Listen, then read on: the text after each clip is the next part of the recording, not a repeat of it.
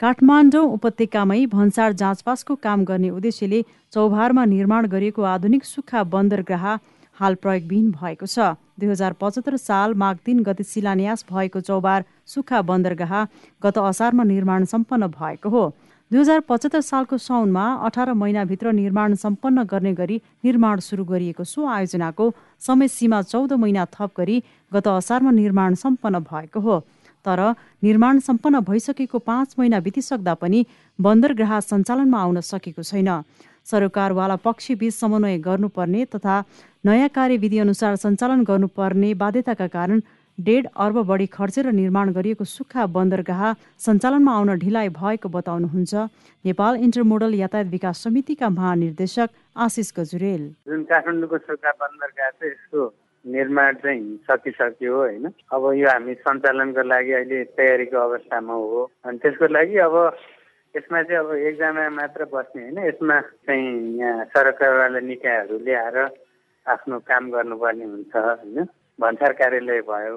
अलिकति यसको कार्यविधिहरू चाहिँ अलिकति पहिला जस्तो सहज छैन। त्यही भएर पनि अलिकति यसमा चाहिँ गृह कार्य राम्रै गर्नुपर्ने जस्तो देखिन्छ। मुख्य पूर्वाधार निर्माण भए पनि अन्य आवश्यक पूर्वाधार निर्माण र सञ्चालनका प्रक्रियाका काम बाँकी रहेकाले कहिलेदेखि सञ्चालनमा आउने भन्ने निश्चित नभएको महानिर्देशक गजुरेलको भनाइ छ।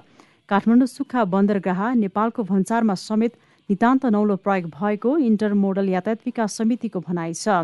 विशेष गरी यो भन्सार कुनै सीमा नाका तथा अन्तर्राष्ट्रिय विमानस्थलमा नभई छुट्टै स्थानमा सञ्चालनमा ल्याउन लागि हुँदा नयाँ निर्देशिका बनाउनु पर्ने भएको हो। जसका कारण पनि सञ्चालनमा ढिलाइ भएको र अहिले निरन्तर प्रक्रियागत कामहरू भइरहेको भन्सार विभागका प्रवक्ता पुण्य विक्रम पाण्डेको भनाइ छ।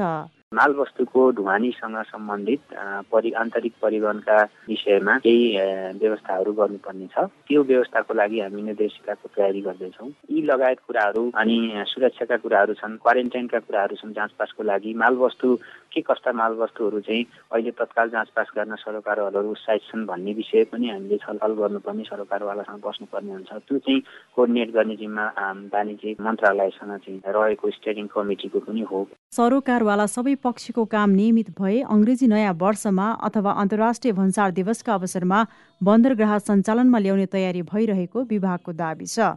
यो बन्दरगाह सञ्चालनमा आए विद्यमान व्यवस्था अनुसार सीमा नाकामा गरिने भन्सार जाँचपास अब यही बन्दरगाहमा हुनेछ। काठमाडौँ तथा आसपासमा भित्रिने मालवाहक सवारी साधन वीरगञ्जमा लामो प्रक्रिया गरेर रोकिनुपर्ने बाध्यता हट्नेछ। नेपालको अर्थतन्त्र निर्यातभन्दा पनि आयातमुखी भएकाले यस्ता सुक्खा बन्दरगाह निर्माणले सामान भण्डारण गर्न सामान निकासी गर्न व्यवस्थित हुने हुँदा व्यापार सहजीकरणमा सहयोग भई अर्थतन्त्रमा टेवा पुग्ने सरकारवाला पक्षको भनाइ छ। काठमाडौँ उपत्यकाको लागि महत्वपूर्ण ठानिएको यो बन्दरगाह सञ्चालनमा सरकारले र सम्बन्धित पक्षले आवश्यक प्रक्रिया पूरा गरी चाँडोभन्दा चाँडो सञ्चालनमा ल्याउन जरुरी रहेको व्यवसायीहरूको पनि माग छ।